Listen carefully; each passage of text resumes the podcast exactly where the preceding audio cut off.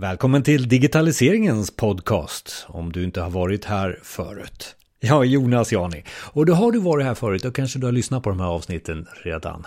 Eh, vi har bakat ihop eh, ett antal avsnitt som vi har eh, haft här under året. Det är AI som är temat på alla de här avsnitten. Vi börjar att prata om det här med tillgång till data som har exploderat och våra processer och algoritmer och machine learning. Ja, det bara pumpas pengar in i ämnet. Eh, Göran Lindsjö berättar mer om just eh, det här med AI och den bristande kompetensen i ledningen och varför USA och Kanada är bättre på AI.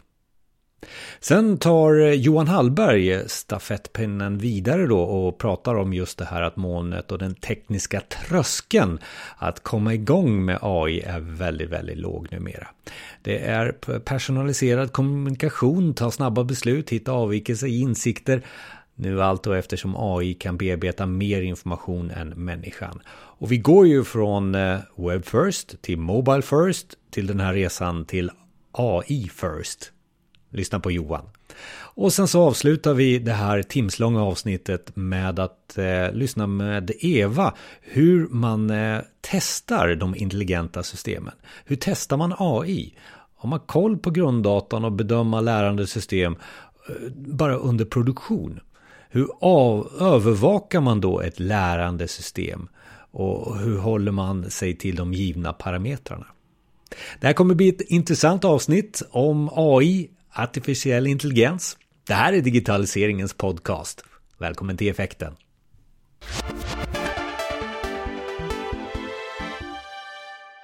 Välkommen Göran Lindsjö till podden.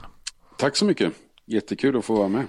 Och Göran, eh, med 34 år i erfarenhet runt omkring AI så, så är första frågan, vad anser du om den ny, nuvarande statusen för AI eh, i Sverige till exempel? Ja, som du sa inledningsvis här tror jag så exploderar ju AI kan man säga. Det vill säga, jag tror användningen eh, håller på att explodera på många ställen och i många branscher. Eh, och om den inte gör det så tror jag åtminstone intresset kan man i alla fall säga exploderar. Det vill säga det är ett eh, kraftigt ökat intresse för, för AI även i de branscher som har kom, inte kommit så långt och även i de länder som inte har kommit så långt. Men 34 år eh, titulerar jag dig och har erfarenhet runt om AI. Vad är det som har hänt nu den senaste tiden då som har gjort att det har blivit så pass? Ja, enkelt uttryckt så är det nog egentligen saker som inte har så mycket med AI som faktiskt har hänt. Det är lite paradoxalt. Det är väl att eh, man framförallt Eh, Eh, så har vi väldigt mycket, tillgång till väldigt mycket data eh, som vi inte har haft tidigare. Och den eh, AI som används mest eller som det är mest intresse för, maskininlärning och djupinlärning, den kräver väldigt mycket data, den är väldigt hungrig på data. Och en annan viktig sak som har hänt är ju att vi får snabbare och snabbare processorer som vi alla vet, snabbare datorer som vi nu då kan använda till även AI-utveckling.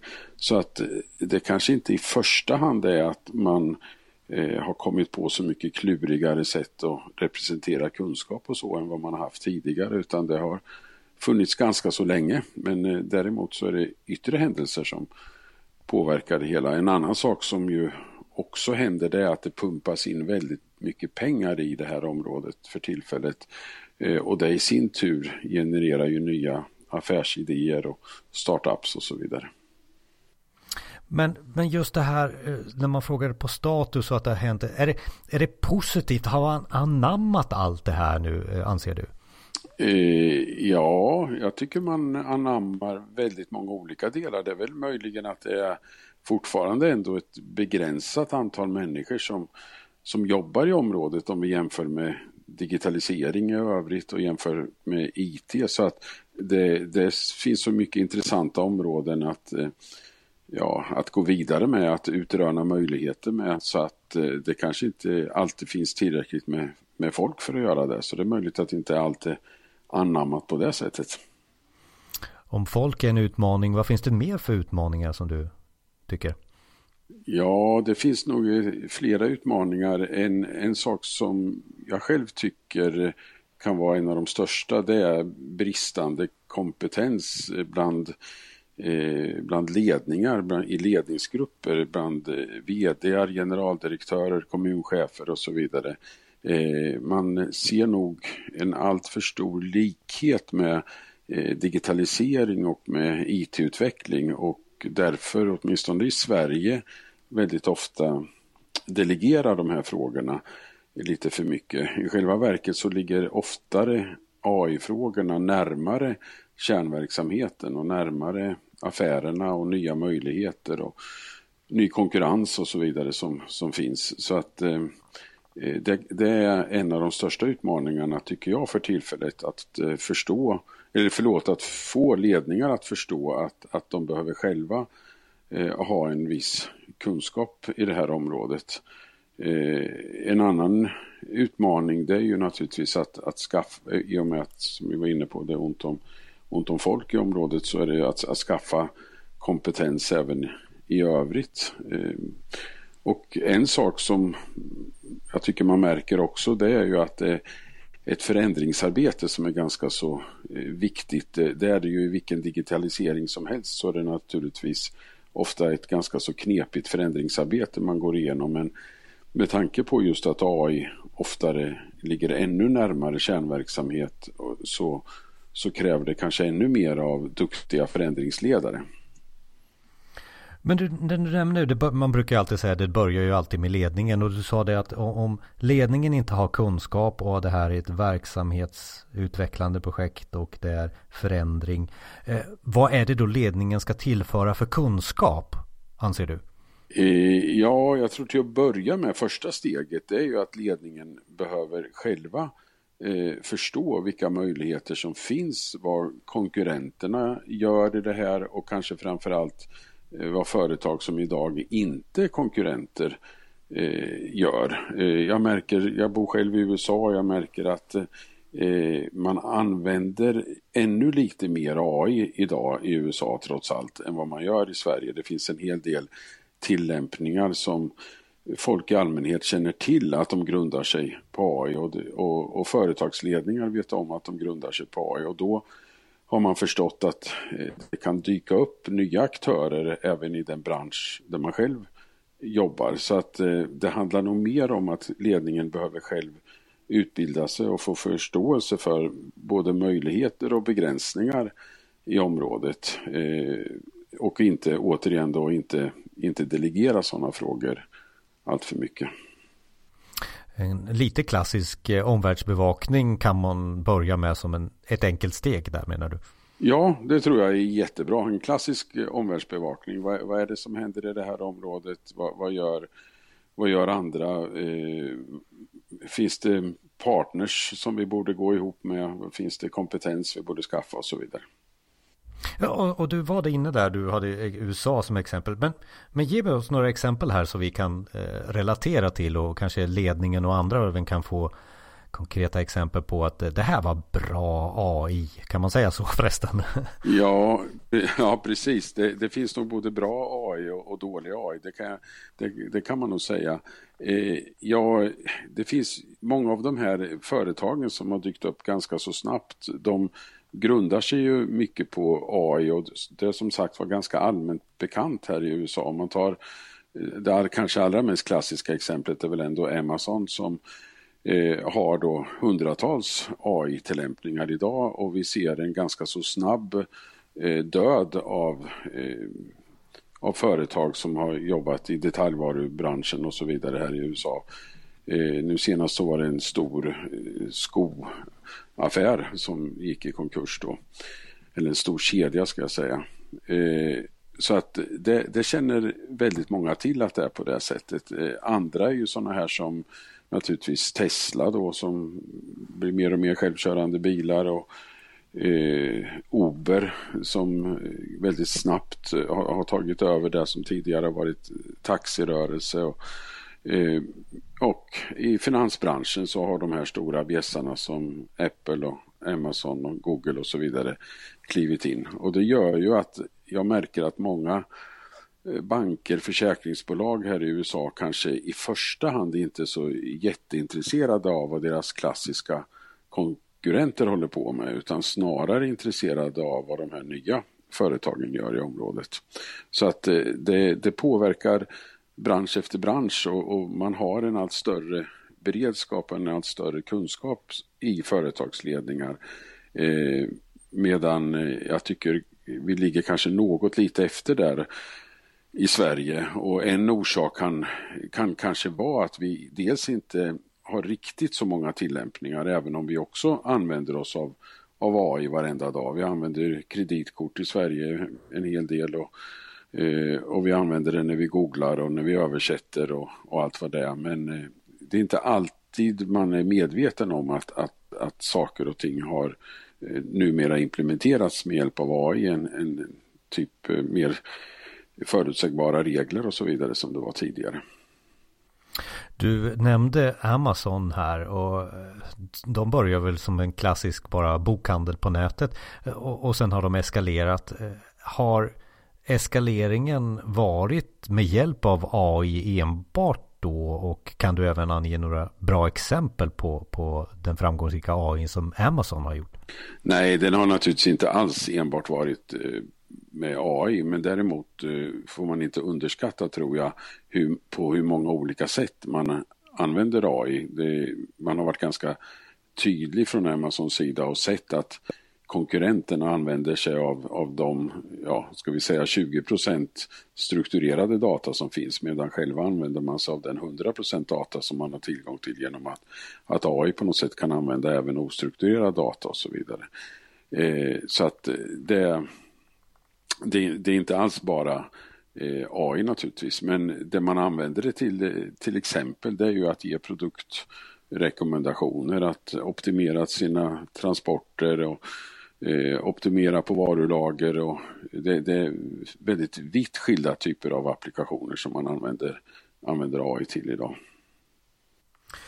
Och då är ju vän av ordning då och svensk sådär. Varför har inte Ikea vuxit på det här området och utnyttjat samma? För de borde ju vara lika storleksmässigt och, och tänka lika klokt som Amazon tycker jag. Jag vet inte om du har någon, något svar där men. Ja, jag, jag, har nog inget riktigt bra svar på det. Jag kan tänka, men nu är jag ute och gissar lite grann. Men jag, jag tänker att ändå de, de, riktigt stora amerikanska företagen har haft en liten, eh, har haft lite närmare till de eh, ja, sex, sju bästa universiteten här i USA som har varit med och, och, och utvecklat det här i synnerhet i början. Idag ligger ju väldigt mycket av utvecklingen just på de här stora företagen då och inte bara på universiteten. Men i Europa har vi inte haft eh, tillgång än så länge till, till den typen av utveckling på samma, samma sätt. Eh, utan eh, det är väl snarare så kanske att några av de större europeiska företagen försöker att och samarbeta då med, med, amerikanska och kanadensiska universitet och så som har kommit betydligt längre då på området. Vad är det de tillför? Är det något specifikt där universiteten tillför som inte svenska gör? Då? Ja, de har ju, de har ju en betydligt eh, större kritisk massa, eller man ska säga, eh, de amerikanska universiteten. De, de, har ju betydligt större resurser på alla sätt och vis. Eh, samtidigt så är det klart, de drabbas ju på ett annat sätt än än till exempel svenska universitet av att företagen rycker i deras, ja, i, i deras forskare men inte bara det, även i deras studenter där man ju rycker i innan de blir klara. Så att eh, det, det, det är ju det är ju en svårighet naturligtvis. Sen, sen har vi ju om man tar Kanada till exempel, där har man ju då en medveten policy där man har koncentrerat på eh, tre stora universitetsområden Medan vi i, i Sverige har ju en väldigt eh, fragmenterad syn på det här där vi, vi har mycket, mycket små resurser på väldigt många ställen. Eh, och så ser det ut på flera ställen i Europa. Finland är kanske ett undantag då som har också går ner på, på tre universitet för att kunna skapa en, en kritisk massa.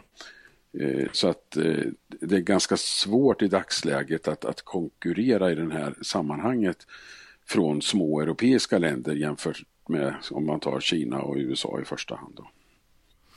Är det där regeringen eh, vill ändra på nu när man pratar om att man vill satsa på AI? Är det just, just den här biten med universitetens kunskap?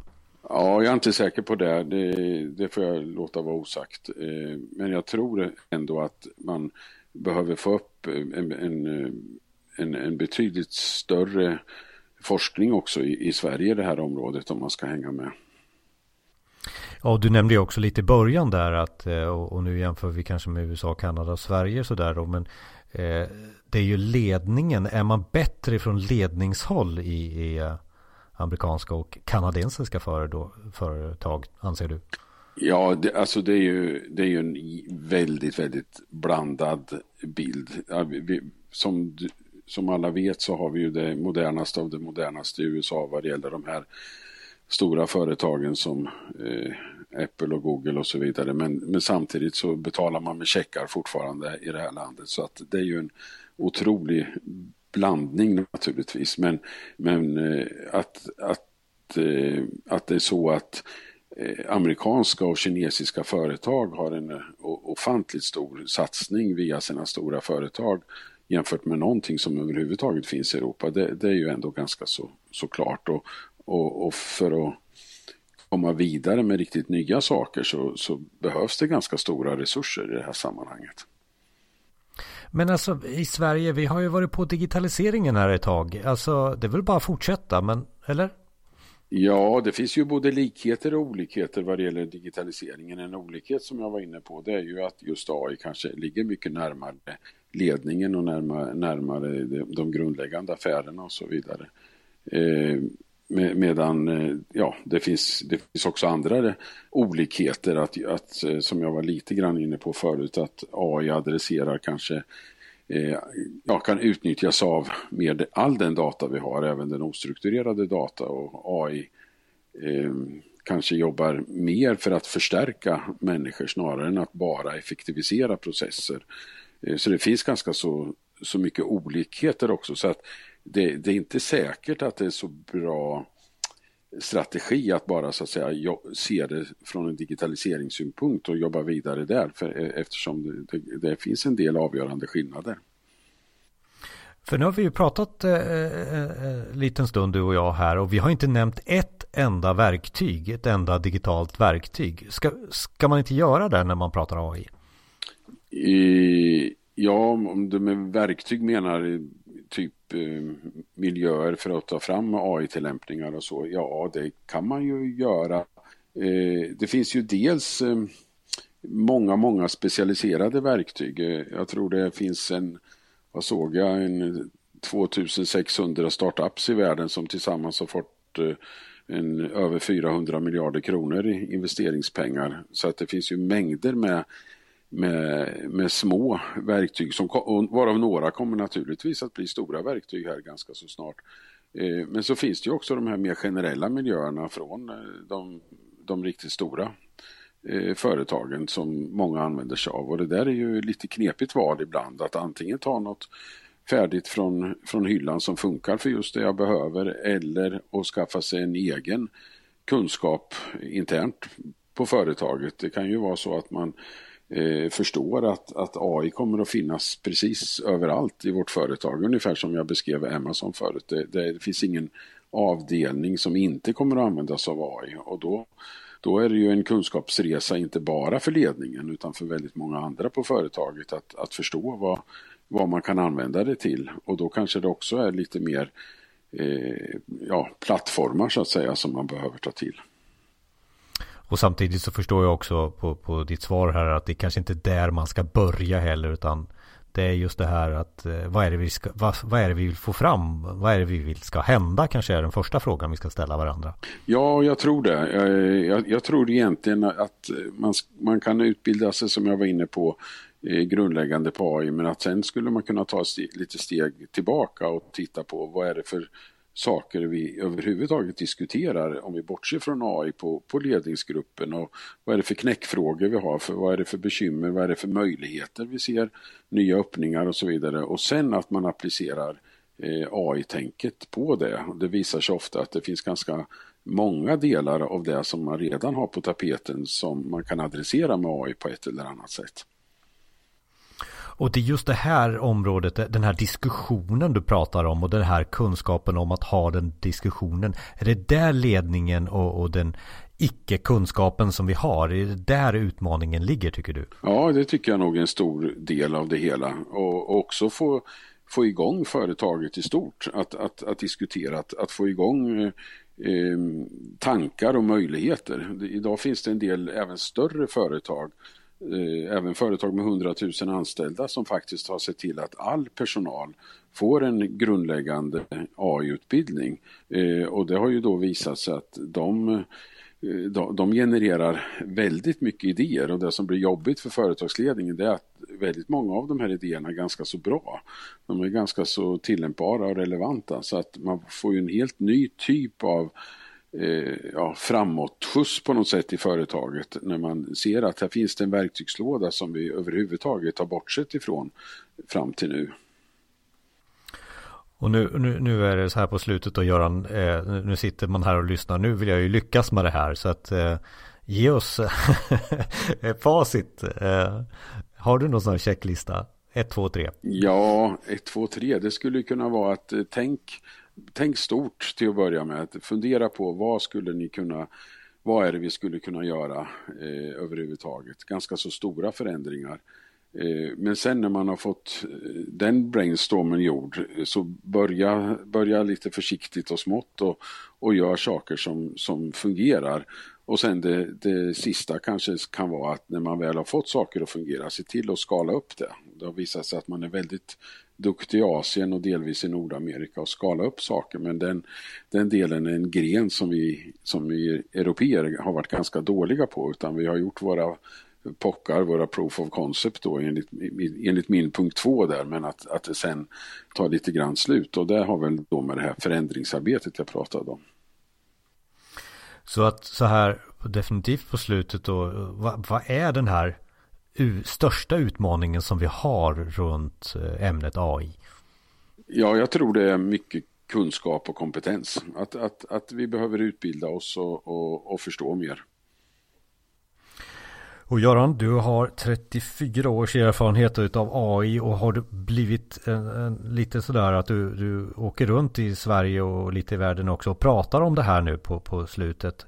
Eh, vad, vad, är det du pratar om? Eh, förutom det här vi har pratat, är det något du, du, säger du samma sak hela tiden när du håller dina föredrag? Nej, jag säger nog aldrig samma sak snarare, utan jag har ofta ja, olika branscher eller olika befattningshavare. Jag har för, jag har för ekonomichefer, jag har för IT-chefer och för eh, vd och så vidare, kanske endagsutbildningar. Men jag har också mer inspiration kanske för en, för en ledningsgrupp eller, eller för ett större gäng. Men jag är också ute en del på öppna seminarier som till exempel kan vara en viss bransch eller en viss yrkesgrupp. Då. Så att det, är, det är väldigt blandat men det, det, är, det är nog vissa delar av det jag har pratat om nu men det är samtidigt eh, anpassat till, beroende på vad det är för sammanhang. Då.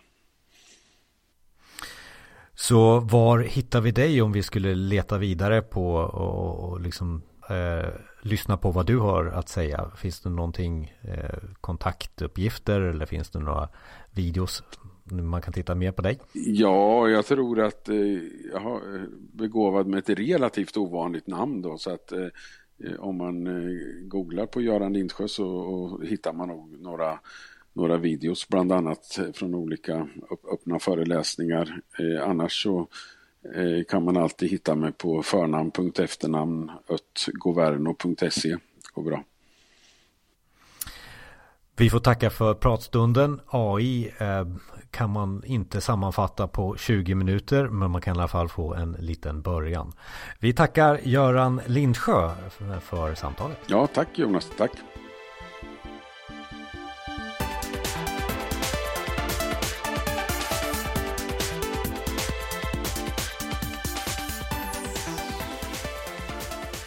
Mer om Göran Lindsjö får du på effekten.se. Vi fortsätter temaavsnittet om AI. Och vi befinner oss på CIO Trend och sitter här med Johan Hallberg med utsikt över eh, Stockholms slott till och med. Ja, här är fint. Här är fint. Och i den här miljön så ska vi prata om att AI förändrar väldigt mycket, till exempel verksamheter och ledarskap. Och under eh, denna, denna dag så har vi pratat väldigt mycket AI. Så, att, så om man får då bara peka på dig Johan och säga så här, eh, AI förändrar, eh, men enligt dig, vad, vad, är det som den förändrar för någonting nu när eh, AI hela tiden ökar våra verksamheter? AI är ju ett så trendigt ord nästan idag. Eh, alla ska vi prata om att vi har olika typer av AI-lösningar. Alla ska vi säga att vi kan vara automatisera och det är massa av de här olika tekniska termerna som, som driver runt. Samtidigt vet jag aldrig vad, vad handlar AI om egentligen? Jo, det är att göra en dator smart, eller hur? Mm. Och vad innebär det? Ja, det innebär ju att vi ska göra saker så att datorn blir just smart. Så vi ska träna upp datorn. Den behöver olika typer av data för att göra det möjligt och så vidare. Eh, och, och, det är en del av sanningen. Den andra sanningen är att det finns ju massa hot för oss som jobbar också. Kommer, vår, kommer jag bli av med jobbet på grund av att vi har en AI? Eh, vad, vad, innebär det för mig som chef? Att hur ska jag kommunicera med mina medarbetare framöver? Ska jag säga till dem att eh, ni får börja utbilda om er eller vart är vi på väg? Och, och vart är vi på väg då? Vad är de största utmaningarna när AI kommer som ett ämne så här och så står människan, ledaren och kanske hela organisationen där och se det här AI? Va, va, va, va, vad är det för utmaningar som händer? Ja, framförallt så kan vi ju se att en av utmaningarna är som vanligt, vad är det för kultur som vi har? Vad är det för ledarstil som vi har? Vad är det som vi faktiskt vill göra med hjälp av AI? Det, det är en väldigt viktig del och en, en, stor utmaning. Förutom de rent tekniska utmaningarna förstås. Om vi ska lära upp en AI att den ska härma oss som människor Ja, då har vi ju massa tekniska bitar. Den andra biten är hur ska vi samarbeta med AI? Hur ska vi se till att få ett bra flöde för våra kunder eller våra medborgares skull? Hur ska vi då få ut den kraften som det innebär att vi faktiskt både kan effektivisera och kanske framförallt vara alltid vara säkra på att den information som vi delar och som vi jobbar tillsammans med våra kunder och medborgare att det är korrekt. Och jag kan säga, där tror jag att AI har en, både en stor jättestor utmaning i sig att komma dit. Men också att den har en stor möjlighet. För det gör ju faktiskt att vi kan vara mer säkra på att det är data som vi kommunicerar om som, som medborgare, som konsument, eh, som företagare. Eh, att den är korrekt. För det, vi vet idag att den mänskliga faktorn är allt för ofta ett, en, en utmaning. Och så att frågan är, vad, vad innebär det? Ja, och, och, och innebör, innebörden utav AI i sig som begrepp gör ju också att bara det är eh, förknippat med osäkerhet. Ja, precis. Ja. Och det är klart att då är utmaningen hur ska vi förändra oss? Hur ska vi istället se det som just en, en positiv möjlighet istället för en, en risk? Räcker det med att bara berätta vad begreppet är och vilka tekniker man, man har inom AI och sen så ja, då var det lugnt igen i verksamheten. Nej, det är klart att det inte gör. Det, jag menar, det kanske är de glada teknikerna som tycker det är kul. Och det, det, det är väl viktigt. Vi behöver ha de glada teknikerna som faktiskt kan implementera det hela också. Men om verksamheten inte kan känna trygghet i att det som kommer och det som vi implementerar verkligen är rätt, korrekt och dessutom stöttar verksamheten på bästa sätt. Jag, jag, då är det som vilket annat dåligt system som helst om inte det kan uppfyllas. Ja, det är många steg till det här med att stötta för, för stötta är ju ett värde. Stötta är någonting som får oss från status A till status B. Så förhoppningsvis bättre då. Mm. Men det, det, det, känns väldigt många steg eh, tills vi kommer dit. Mm. Ja, och, och det, det, är det ju också. Det, det, är inte, det finns ju en anledning till att det har tagit så pass lång tid ändå. Vi har haft neurala nätverk. Jag kommer ihåg eh, i slutet på 80-talet när jag och min pappa pratade om neurala nätverk för vi tyckte det var lite intressant och kul. Eh, jag jobbade då på den tiden på Ericsson och höll på med mjukvaruutveckling för, eh, för försvarets räkning och så vidare. Och då var det klart att då ville vi ligga framkant och neurala nätverk för att machine learning och hela det som, som vi idag börjar ta för och deep learning då som neurala nätverk egentligen står för. Ja, det, var ju, det hade ju precis kommit upp och började liksom finnas lösningar för det. Men det gick, gick ju inte att använda. Idag så har vi globala stora molnplattformar där du i stort sett bara kan, an, an, du kan logga in och kanske betala eller inte alls, du kan testa dem gratis för att sätta upp de här lösningarna som du håller på med. Det kan vara allt ifrån bildigenkänning till taligenkänning till vad det nu kan vara. Och då, då är det klart att det gör ju att tröskeln att komma igång numera är ju jättelåg, rent tekniskt. Men verksamhetsmässigt är den ju lika hög som den alltid har varit. Det är ju ingen skillnad egentligen. Skillnaden är att verksamheten börjar bli mer mogen. Skillnaden är att verksamheten har under ganska många år nu förstått att vi börjar bli mer och mer techdrivna. Ta mobiltelefoni, ta appar, vi har webb och vi har allting sånt som har hänt de senaste 15-20 åren. Och det är först nu som vi börjar se in AI-området verkligen börja mogna. Och då kommer vi till det här. Kan du exemplifiera då AI eh, som ett globalt begrepp på här kan vi hjälpa till med företagets resultat? Kan du ha exempel där? Kan du... Absolut, ja. det, det, finns, det, finns, ganska gott om exempel. Och, och ett av de exemplen är till exempel inom försäljning. Vi vet att om vi implementerar AI så att vi får en effektivare kommunikation med våra kunder så har vi sett, har siffror visat att vi kan uppemot 10% eller mer i ökad försäljning bara genom att vi implementerar ett, eh, ett snabbare och bättre, mer korrekt eh, eh kommunikation med hjälp av AI.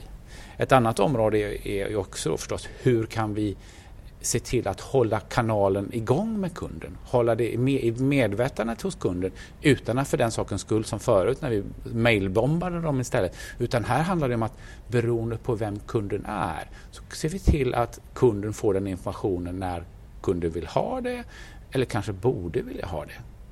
Det kunde vi inte göra förut utan då var det ju den marknadsföringen som vi bara tryckte ner i halsen mer eller mindre på folk. Men nu kan vi genom AI förstå mycket bättre. Vi kan personifiera eh, de här eh, kommunikationen med kund, kunderna som, som inte varit möjligt tidigare.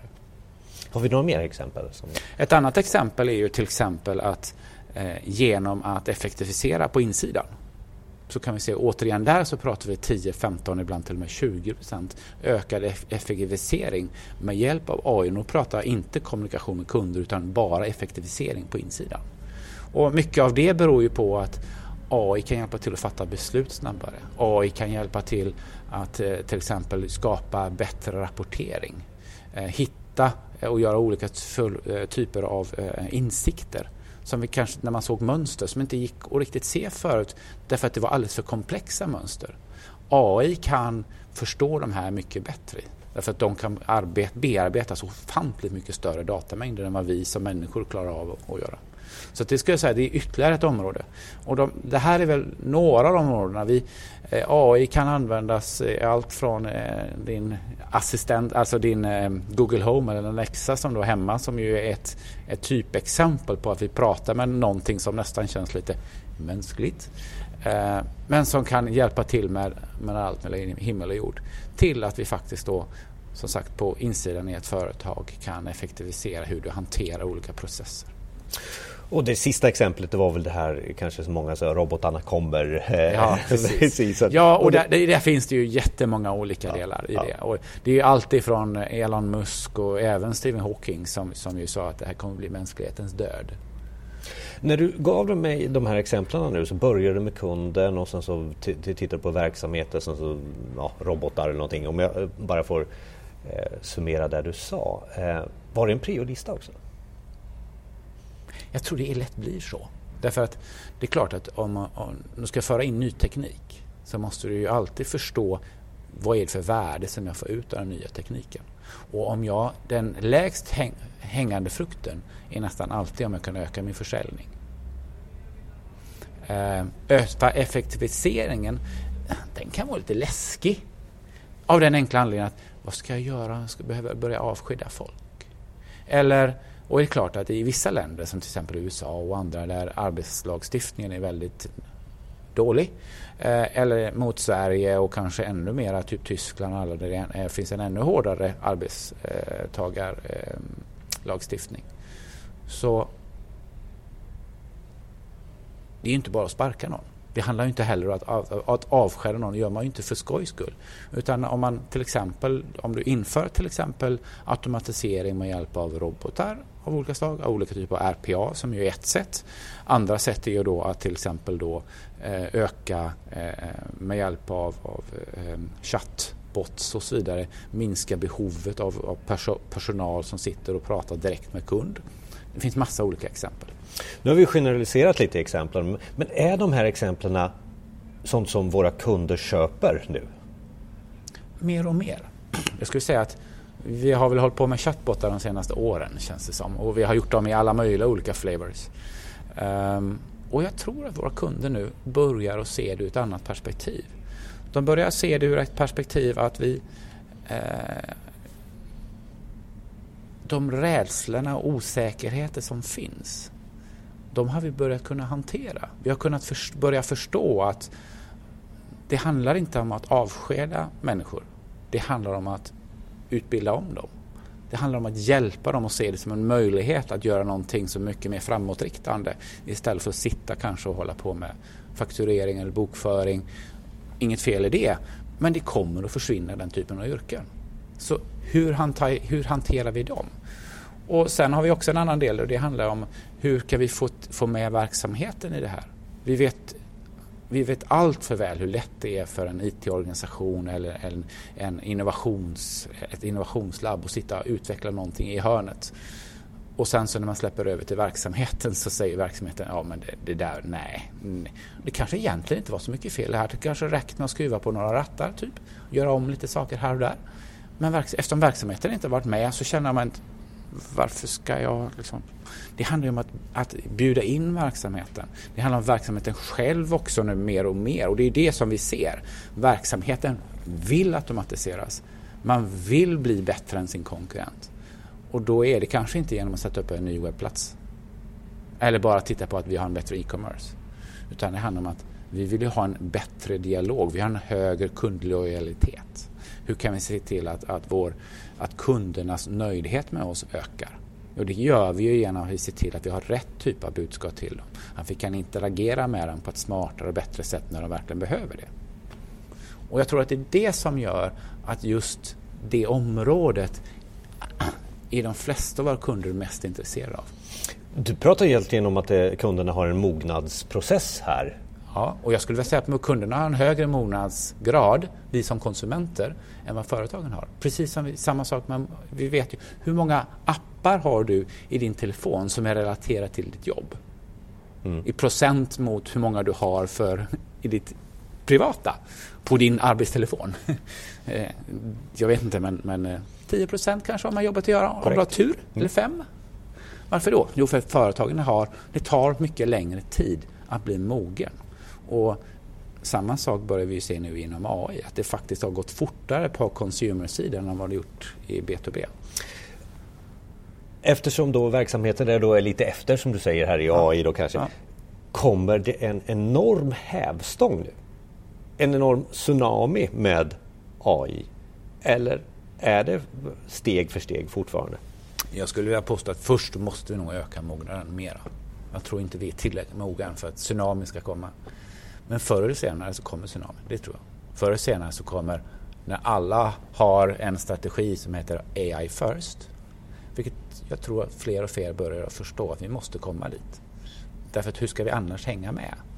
Eh, och det är klart att där kan vi se att uh, bara titta på vilka är de stora molnleverantörerna idag? Vilka är det som har all compute power?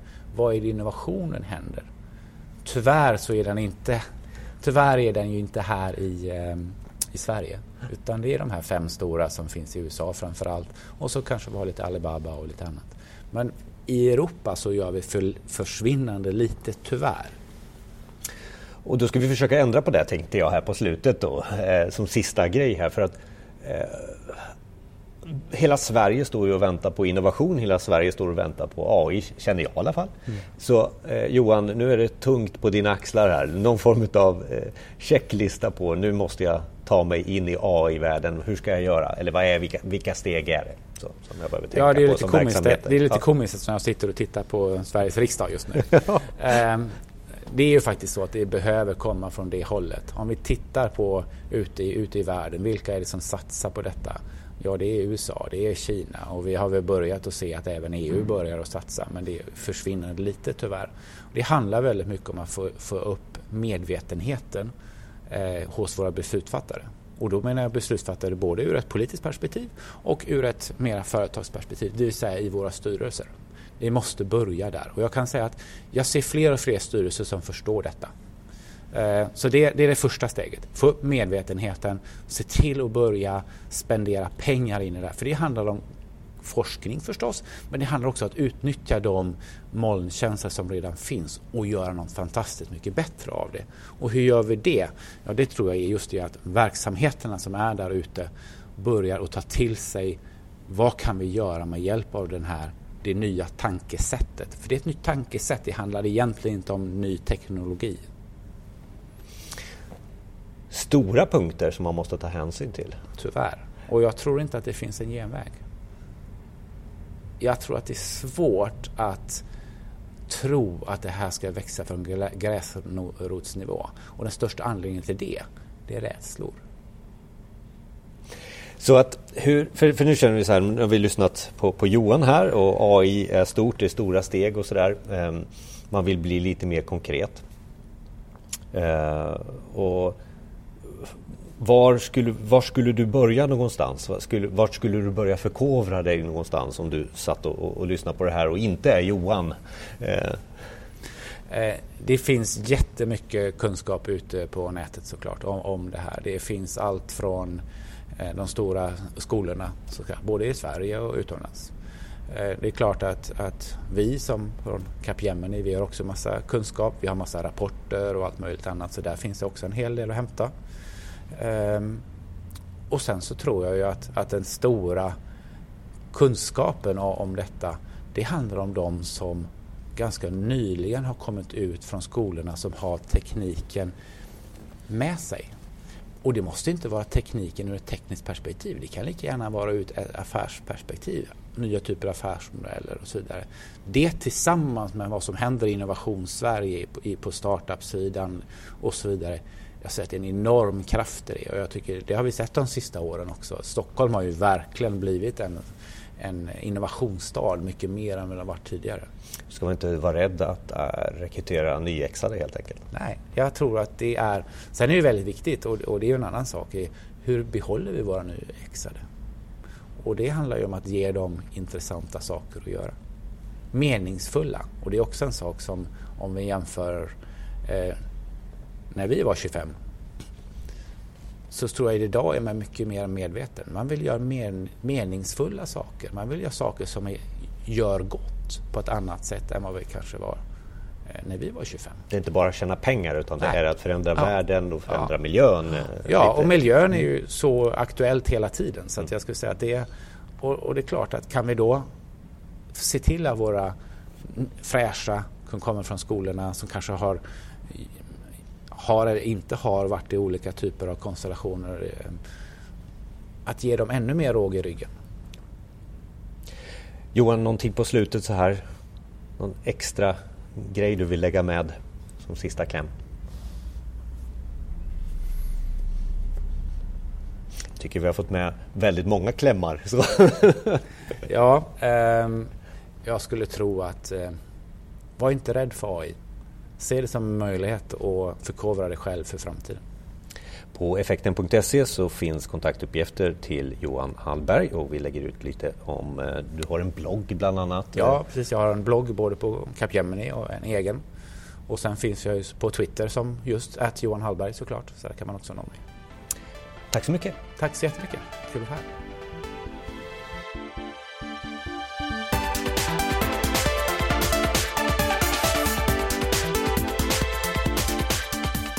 Mer om Johan och mer avsnitt finns på effekten.se. Det här är ju digitaliseringens podcast. Där vi eh, gör temaavsnitt eh, då och då, speciellt när man har lite mer tid att lyssna. Vi försöker ha varje avsnitt på ungefär 20 minuter, men när det är temaavsnitt så gör vi det timslångt. Effekten.se eller där du hittar podcasts där eh, till exempel Spotify har blivit populärt att lyssna på podcasts. och där har vi också spellistor med olika teman. allting sammanfattar vi på effekten.se och bloggen. Vidare, här är mer om AI och hur testar vi AI egentligen?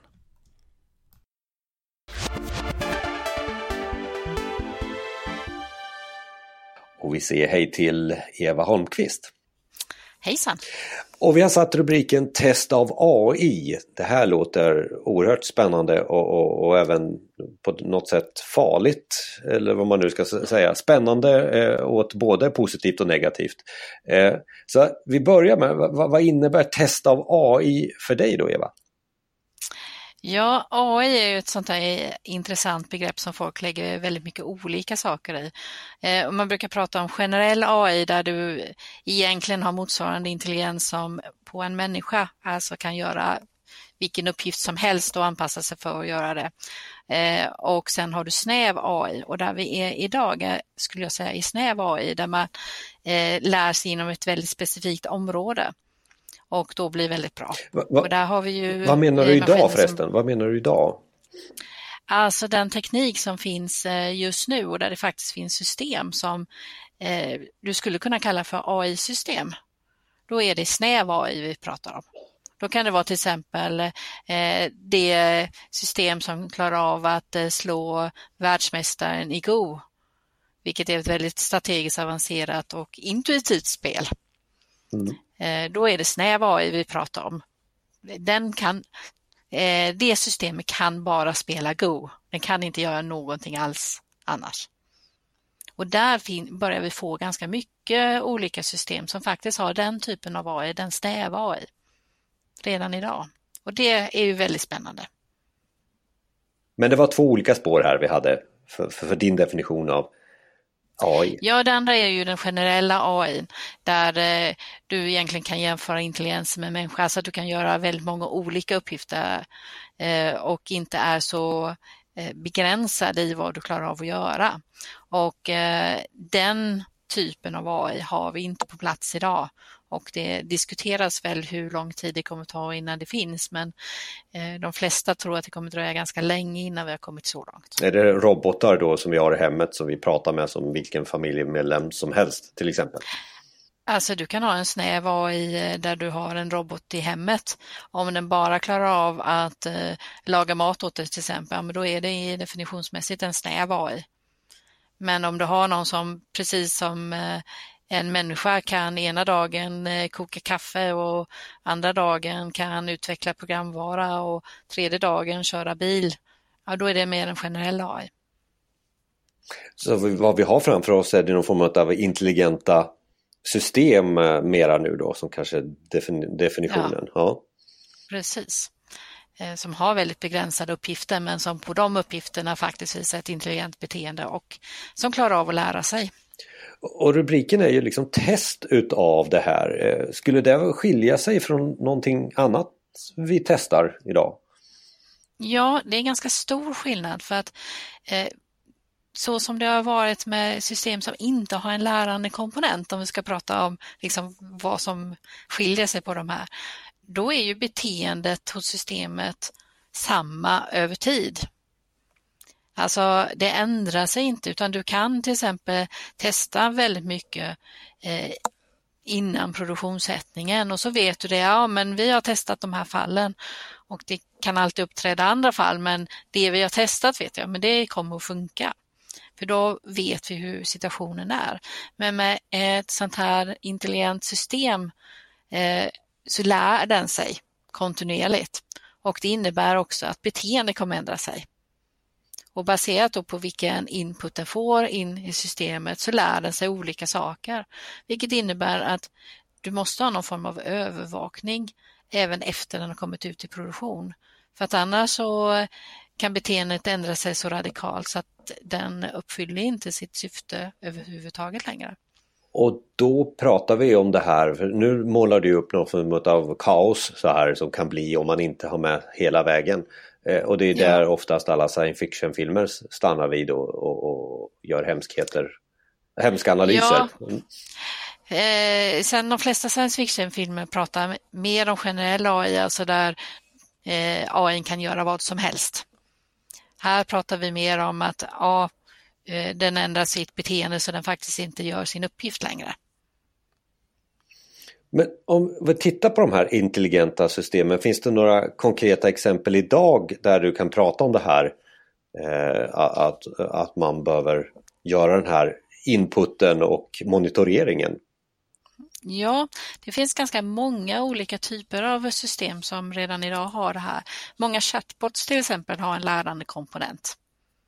Eh, vilket innebär att baserat då på vad kunderna frågar efter och ber om så lär de sig att svara bättre och bättre. Men det innebär också det att de kan lära sig fel saker. Eh, det var till exempel en eh, tweetbot som de fick stänga av till slut för att den blev rasistisk i sina svar. För Det var någon som tyckte det var väldigt kul att eh, skriva in väldigt mycket rasistiska saker och till slut så var det det den lärde sig så att den ändrade beteende och blev väldigt rasistisk. Vad hade test gjort där? Eh, gjort bättre? Ja, dels eh, så handlar det om att se vad finns det för parametrar? För att eh, du kan ju sätta upp parametrar i själva systemet också så att den på något sätt har en bedömning av de input den får så att den faktiskt redan från början kan säga att ja, den här inputen är felaktig, den ska jag inte lyssna på. Eh, och den andra som man kan göra inom test är ju att ha en övervakning på det så att du övervakar, okej okay, men vad ger den här eh, tweetbotten för respons egentligen och när den överskrider eh, parametrarna för vad som anses acceptabelt så kan man hantera det. Eh, och då gäller det att sätta parametrarna så mycket så att du hinner hantera det innan det redan är för sent naturligtvis. Eh, men det första angreppssättet, där det kan du fånga redan innan du egentligen produktionssätter någonting. Alltså att den har en bedömning av vad den får för input. Har du några mer exempel här? Ja, eh, det var ett exempel på där du har eh, ett system som skulle hjälpa till med eh, rekryteringen. Och då använder de som träningsdata, alltså för att lära systemet vad som var en bra kandidat och vad som var en dålig kandidat, så använder de befintliga Eh, ansökningar för folk de redan hade anställt. Och eh, det upptäckte de ju sen att eh, ja, för att få en, ett jobb på den IT-avdelningen så var du tvungen att vara man enligt systemet. Och det berodde ju på att den träningsdata du hade, då var det övervägande delen män som jobbade på IT-avdelningen. Och då hade systemet dragit slutsatsen att en nödvändig kriterie för att du skulle vara en lämplig kandidat var att du var man. Men hur vet man om, ska man, ska man kritiskt granska in data utifrån olika parametrar och, så, och, och det blir själva testet för att sen ta in Ja, mm. det blir ju en del av testen. Det räcker ju inte med bara det, men det är en del av testen att du måste titta på vad använder vi egentligen för träningsdata som lär det här systemet vad den ska lära sig.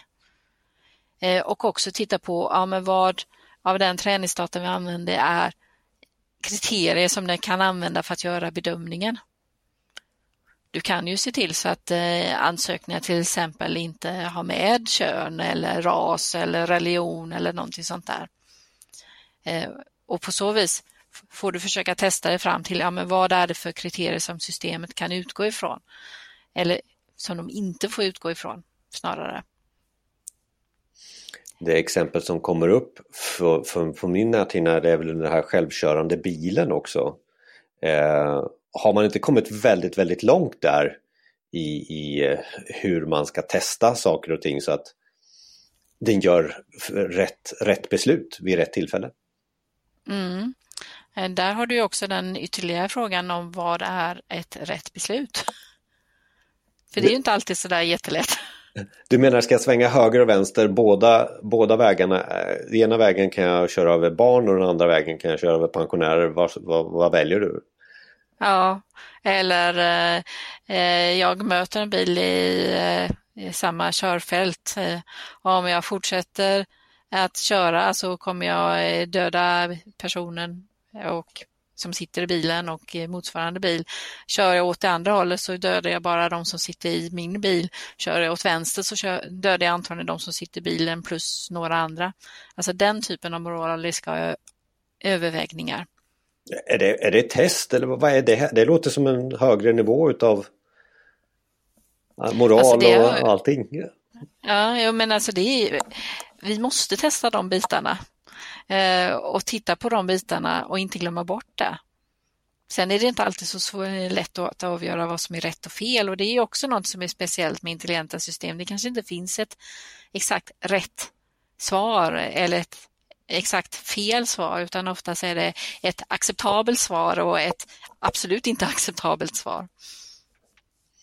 Och eh, det här, det här blir ju oerhört spännande. I, I AI har jag ju förstått att det är väldigt mycket machine learning. Den lär sig av den datan som kommer in då. Eh, mm, och det, det, du lägger på här som jag förstår det är in datan in och sen monitorera hela tiden. Mm. Men, men eh, att, att ha varit till exempel mjukvarutestare eh, Måste man lägga på någonting mer här? Måste man vara moralpolis? Måste man vara kulturbärare? Måste man Kommer det in sådana aspekter också i värderingen? Alltså man behöver ju förstå eh, kopplingen till moral och etik och sådana grejer eh, och också förstå hur det här systemet ska användas. Jag kan eh, ge ett annat exempel. Då är det ett system som ska vara rådgivande för amerikanska domstolar. Och eh, det de gör är att baserat då på information om eh, personen som då döms eh, så ger den en bedömning kring ja, vad är risken för återfall. Mm. Och det ska då vara vägledande för hur de bedömer straffrätt för den. Det är bara det att det här systemet utgår ju från tidigare data och de domar som har gjorts. Så man har ju konstaterat det att den, om du råkar vara en svart man, ja, då bedöms du som mycket högre sannolika för återfall än vad som i verkligheten stämmer. Och är du en vit man så har du mycket lägre återfall enligt systemen än vad som är i verkligheten. Och där har forskare tittat på så att de har liksom statistik på det och kan bedöma det. Så den har ju en eh, rådgivande som faktiskt är eh, felaktig bedömning. Och i mycket av de här fallen, för att många fall när man tar träningsdata så kanske man tar gammal data. Och då kan det vara så att ja, men du kan ha massor med eh, ojämlikheter, fördomar och liknande i den här datan som är gamla och som man inte längre har. Men eftersom du gör urval på den gamla datan så blir de fördomarna cementerade. Mm. Och det där behöver du förstå när du sysslar med de här systemen för att det är ofta så att man är ju med i urvalet av data och att komma fram till vilken data man ska använda och vilka typer av eh, eh, ja, modeller egentligen som eh, man kan använda för att lära det här systemet. Och då måste du ha med den aspekten så att du förstår vilka konsekvenser det kan få om det här blir fel. Och det gäller egentligen både utvecklare och testare. Och nu blir det ju oerhört spännande så här på slutet att eh, nu ska Eva försöka att ge oss hur vi ska lyckas med att testa på rätt sätt. För nu, nu, nu jag har fastnat väldigt mycket på det här med moral och kultur och vi har ju pratat lite mm. om, om det här nu. Men Eh, så jag lämnar eh, så här, jaha, hur ska jag lyckas med test utav AI eller intelligenta system här? Ja, jag tror dels så måste du titta på vad som är input till lärandet, alltså du måste bedöma själva lärandet som eh, maskinen har. Men du behöver också göra en, ha en övervakning efter lärandet så att du håller koll på att den håller sig inom vissa parametrar. Eh, och sen så måste du naturligtvis liksom testa normalt sett också.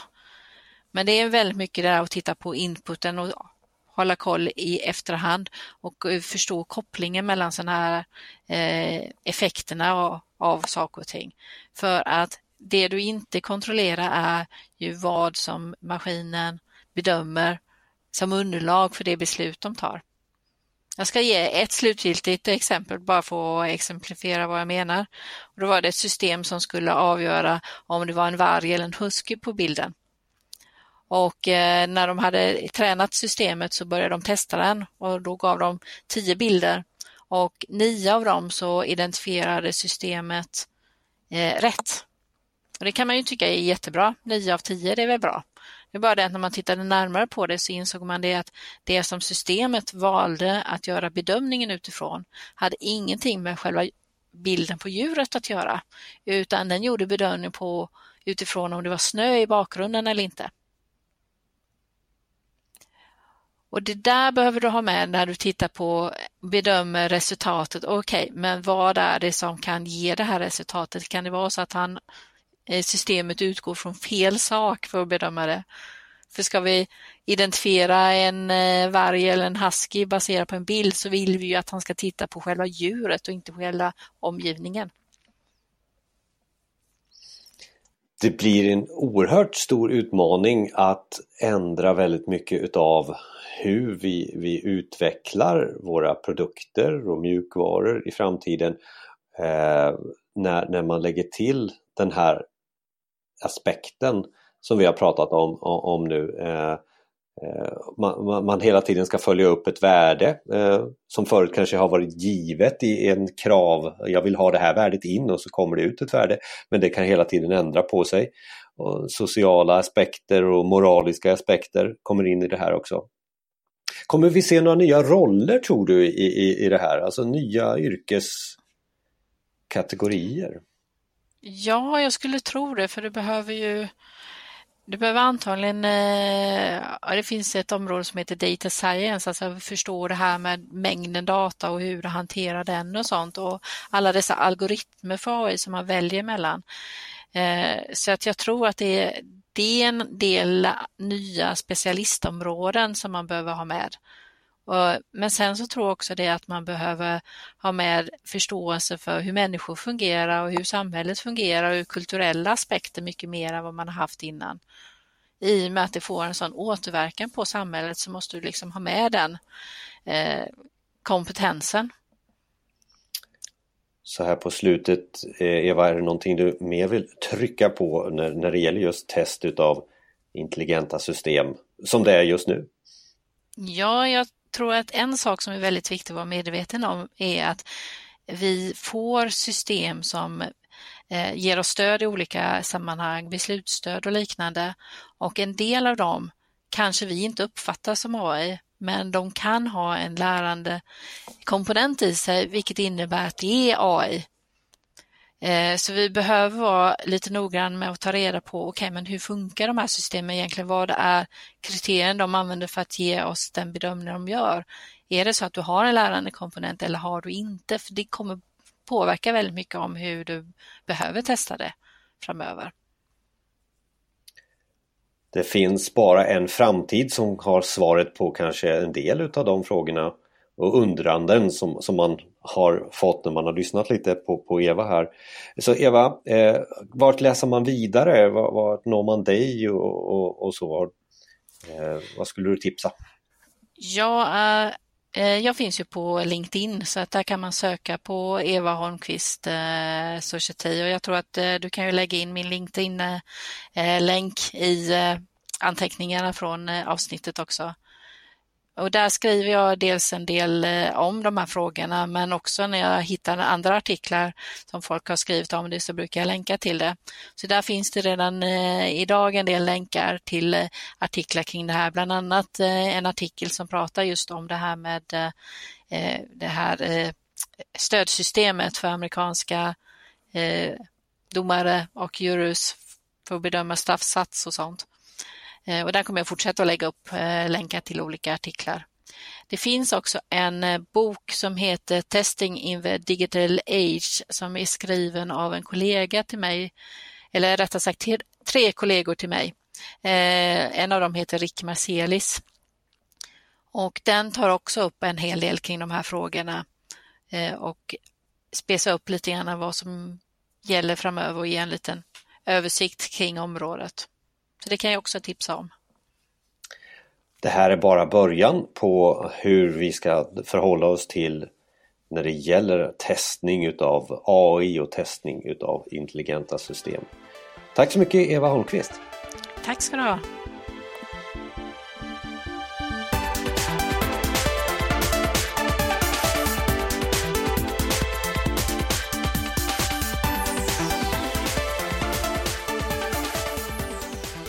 Digitaliseringens podcast Effekten. Hoppas att vi kunde ge dig värde om eh, det här stora ämnet AI, artificiell intelligens.